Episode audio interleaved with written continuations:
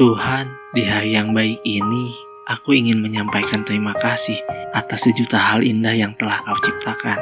Tuhan, terima kasih telah menciptakan senja sebagai penutup hari yang indah, penanda berakhirnya hari tanpa peduli seberapa terseoknya kaki melangkah, penanda rehat sejenak tanpa peduli detik yang siap mengetuk, penanda akan hari esok yang akan memukul lebih keras lagi, walau luka sisa pertarungan terakhir belum terlihat membaik. Tuhan, terima kasih telah berbaik hati menciptakan surga kecil dan meletakkan cinta pada setiap sudut sebuah kota yang bernama Jogja.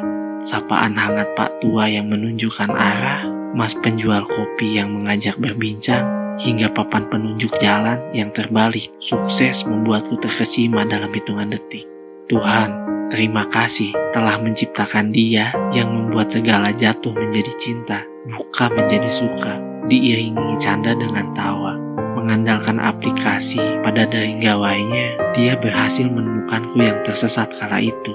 Menukar segelas kopi favorit dengan senyuman manisnya, sedikit kesal karena aku ceroboh di kota yang baru aku hampiri pertama kali.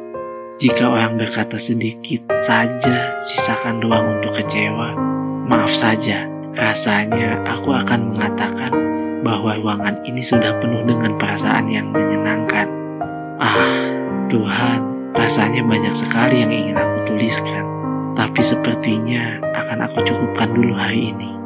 Lantas, seiring dengan berakhirnya hari di kota yang menawan ini, aku lelah, lalu rebah, luka, lalu pulih, sedih, lalu tersenyum, ragu, lalu percaya, terinjak, lalu bangkit Tuhan, atas segala cinta dan hal baik yang terjadi di hari yang baik ini, terima kasih untuk Senja, Jogja, dan dia.